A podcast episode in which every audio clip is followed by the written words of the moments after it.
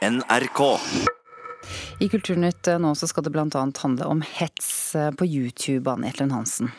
Ja, hets eller satire, det er spørsmålet. For i dag starter en rettssak som i bunn og grunn handler om hva som er greit å si på YouTube. En 19 år gammel mann er saksøkt for å ha lagt ut videoer med innhold og beskyldninger som YouTube-stjernen Dennis Vareide mener er ærekrenkende. Rettssaken i Oslo tingrett handler om digital mobbing. Det mener den kjente norske youtuberen Truls Woldsgaard. Han mener det har utviklet seg en tendens der folk henger hverandre ut på YouTube, og han har selv opplevd å få videoer med ubehagelig innhold rettet mot seg. Ja, det er verre enn mobbing. Jeg er, for, altså jeg er for god satire og humor, men akkurat det der var liksom det var ikke satire, og det var ikke humor. Det sier Truls Valsgaard. Han lever av å produsere videoer på YouTube. Men i fjor la en 19-åring ut en video med grove anklager mot Valsgaard. Det handler om YouTube-trenden som kalles exposed. Den går ut på å henge ut navngitte personer med sladder og grove anklager, og kalle det for humor og satire. Noen har den humoren, Uh, og Derfor var det plutselig veldig morsomt for veldig mange å slenge seg på den trenden med å hate meg for ting jeg ikke engang hadde gjort. Valsgaard anmeldte saken, men den ble henlagt av politiet. 19-åringen som la ut videoen mot Truls, må nå møte i Oslo tingrett for en annen, lignende sak. For i høst la denne 19-åringen ut flere videoer med alvorlige anklager retta mot YouTube-stjernen Dennis Vareide. Vareide har ikke levert politianmeldelse, men går nå til søksmål mot 19-åringen, med krav om erstatning for ærekrenkelser. Ivar Sten Johnsen jobber i produksjonsselskapet Nordic Screens, som spesialiserer seg på innhold til YouTube. Det er utrolig mye positivt på YouTube og på andre sosiale medier. Men det kan, komme, det kan komme noen overtramp, og det er viktig at det blir på en måte eh, sett på og slått ned på av samfunnet.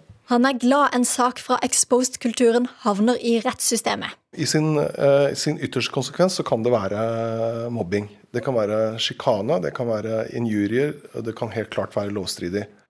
Lene Pettersen, førsteamanuensis ved Høgskolen Kristiania, vet ikke om det er mer hets på internett enn før men hun sier det har store konsekvenser for de som opplever det. Eh, med hensyn til omfanget det får. Eh, det er ikke bare en som blir mobba i skolegården, det blir liksom delt kanskje eh, med veldig veldig mange flere. Da. Og det vil bli vanskelig for den personen som er utsatt for dette senere i livet.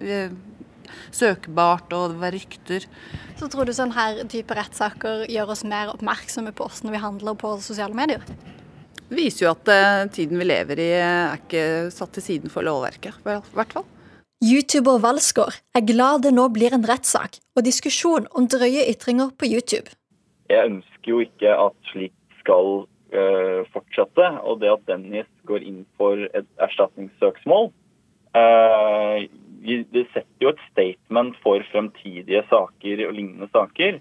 19-åringen som nå er saksøkt, sier til NRK at videoene han lager er innenfor ytringsfriheten. Han sier det er ment som satire, og at de som saksøker ham, har tolka innholdet feil. Og reporter i saken, det var Kristine Sterud.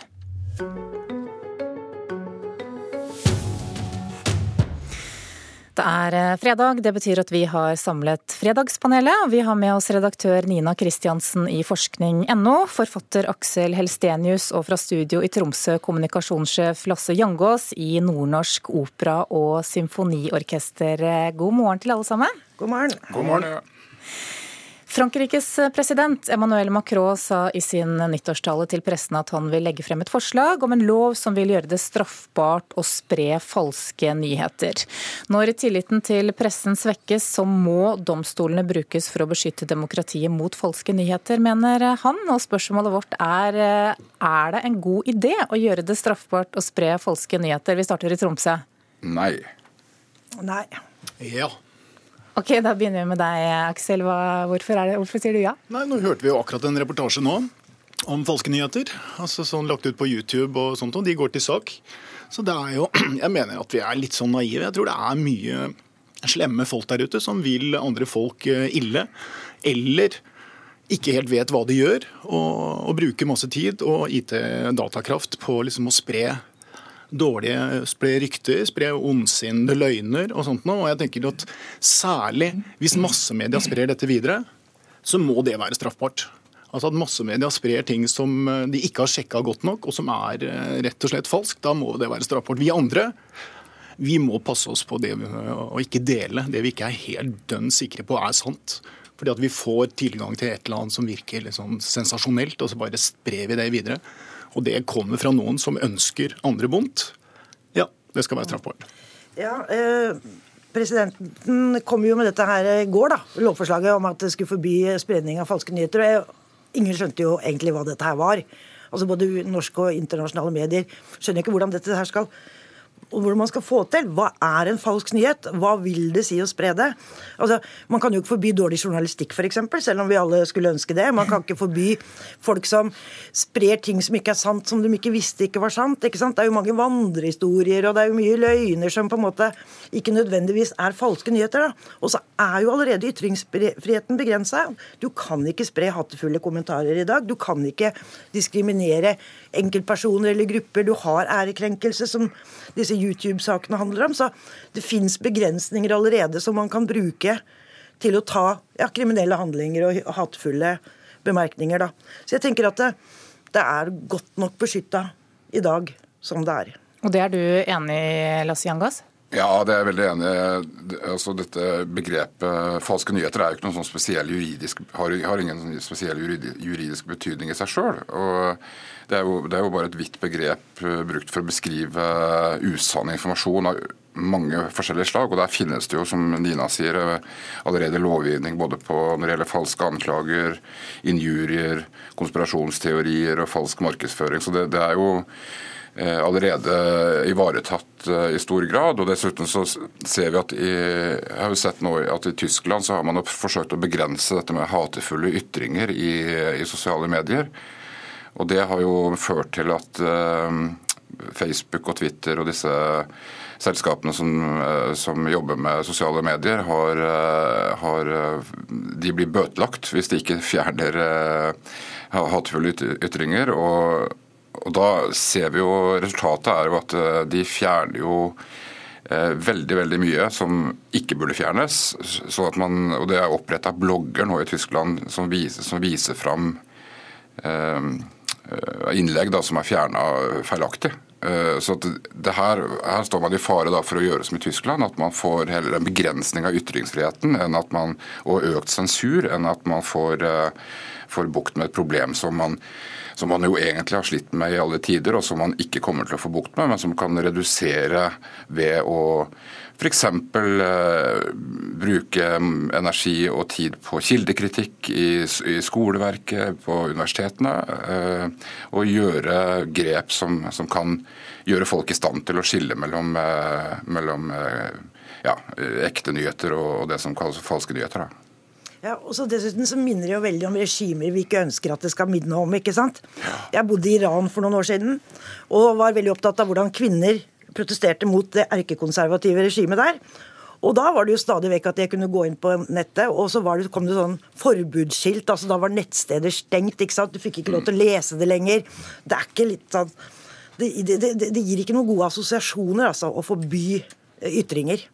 Hvordan skal vi få bukt med det da? Nei, med, med motinformasjon.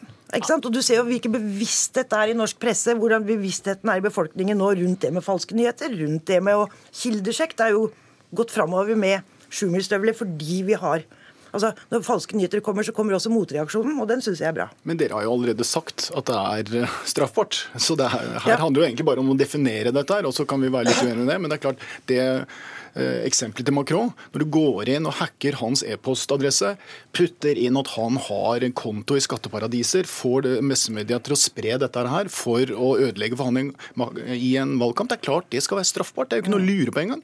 Men neste gang så er han forberedt, ikke sant? Altså, dette her er, vi, vi har jo sett først, men vi har jo sett første bølge av eh, falske nyheter. Nå er jo alle klare til å møte dem på en helt annen måte. Vi skifter tema. Eh, debatten om medlemskriterier i Den norske forfatterforening er aktualisert etter at det før jul kom et initiativ til å starte en ny forfatterforening kalt Norske forfattere. I Den norske forfatterforening så er kravet at medlemmene skal ha utgitt eh, to bøker, og en av dem har eh, da litterær verdi, som det heter. I Klassekampen så har flere forfattere sagt at Den norske forfatterforening nå må åpne medlemskriteriene, og i går så skrev avisen at søsterorganisasjonen Dramatikerforbundet har åpnet opp. Og spørsmålet er bør det bli lettere å få bli medlem av Den norske forfatterforening? Vi starter i Tromsø. Ja. Jeg veit ikke. Ja. ja. Hvordan eh, begrunner du dette, Lasse? Nei, altså det er jo eh, For det første så er det jo eh, Forstår jeg ikke motviljen. Uh, altså de, de nå, nå, risikerer vi å få et sånt A-lag og et B-lag i forfatter altså blant norske forfattere, og det er det jo ingen som er tjent med. Og jeg vil jo anta også at en, en, forfatterorganisasjon som ønsker å få med seg flest mulig. og Dessuten så er det liksom noe prinsipielt ved det her også. Nå har det jo vært sånn at Eh, det litterære råd, som har eh, utgjort, eh, i hvert fall tidligere, da, før, før kulturministeren nå har omgjort dette, men, men, Det litterære råd har jo vært stipendkomiteen for norske forfattere. Og I Det litterære råd kan det bare sitte medlemmer fra Den norske forfatterforening, så vidt jeg forstår. Og det er, nå har jeg ingen mistanker om at de har forfordelt noen eller gjort noe galt. De har også gitt stipender eller gått inn for stipender til ikke-medlemmer, men, men prinsipielt sett så syns jeg at det et slikt råd da burde ha vært eh, altså burde ha vært eh, basert på medlemmer fra, fra, hele altså alle som ønsker å være medlem av Forfatterforeningen. Men Aksel, det er vel ikke så strengt at en forfatter må ha utgitt én bok av litterær verdi for å få bli med? Altså Jeg sitter jo da i det som heter DDR i Dramatikerforbundet. Snakket om at det er dårlig navn på disse her. Så Vi kaller det DDR, Det dramatiske råd. Så jeg har jo sittet i mange mange år og gjort disse vurderingene her. Og som du sa i innledningen, ja, Dramatikerforbundet har lempet på det. Og det som man skal være klar over, er at det vi går over nå, er at vi har hatt en laug. Altså Forfatterforeningen er et laug, Dramatikerforbundet var et laug. Med håndverkere, på en måte, eller altså kunsthåndverkere. da det vi ser nå, og grunnen til at Dramatforbundet har måttet ønsket flere medlemmer, er at nå har vi gått over fra laug til å bli en fagforening. Og hvorfor blir vi en fagforening? Jo, fordi våre motparter blir, går inn da i, i virke og sånt. For at det det handler om nå, er åndsverk og, opphavsrett. Det er en kjempekamp. Altså, forfatterne opplever ikke den så sterk som oss eh, dramatikere. Men, men, men, dette her er jo en kamp som nå, det handler om å få inn medlemmer. Eh, Forfatterforeningen er fremdeles da på et laug, og da kan de på en måte si at, at du er ikke innenfor lauget. Som, hvis du skal være murer, så må du være en god murer. Du kan ikke bare si du er murer. Så det, Man snakker om litt sånn forskjellige ting. Jeg tror at det går mot flere, altså at, at de lemper på kravene for å få inn flere eh, forfattere, for å vise at Forfatterforening er en sterk forening, og alle som skriver bøker, er forfattere. Nina? Ja, jeg syns bare det er så fascinerende at medlemskapet i Forfatterforeningen blir så diskutert ja, overalt. Jeg tror det er fordi at medlemmene og de som så gjerne vil inn, er så skriveføre. Så det virker som om dette her er et spørsmål som alle er opptatt av. Dette er en forening som har noen opptakskriterier. Det har Murerforbundet, og det har sikkert Båtforeningen også. Og så skal liksom vi alle, hele Norge virker som, diskutere om de skal lempe på disse her krava eller ikke. Ja, jeg syns de bør lempe på krava. Jeg syns alle bør bli med. Det er vel, Mange reagerer kanskje fordi en del sånn folkekjære forfattere da, ikke får være med, så mange vet hvem ja, er. Så de reagerer på snobberi, da. ikke sant? At uh, Margit Sandemo og, og, mer populære uh, forfattere ikke får lov til å være med fordi det er ikke bra nok. Altså Noen sitter der og vurderer hva som er bra nok eller ikke, men det skjer jo også ellers overalt i samfunnet. da. Det kastes terninger, og det holder på. Så vi vurderer jo kvalitet på kultur og uh, kulturelle produkter hele tida. Men Forfatterforeningen skal ikke få lov. Ja, jeg syns det er en rar diskusjon. Hvis, vi, ja. Ja, hvis, du lever av å være forfatter, så er du forfatter. Punktum. ja, det syns jeg.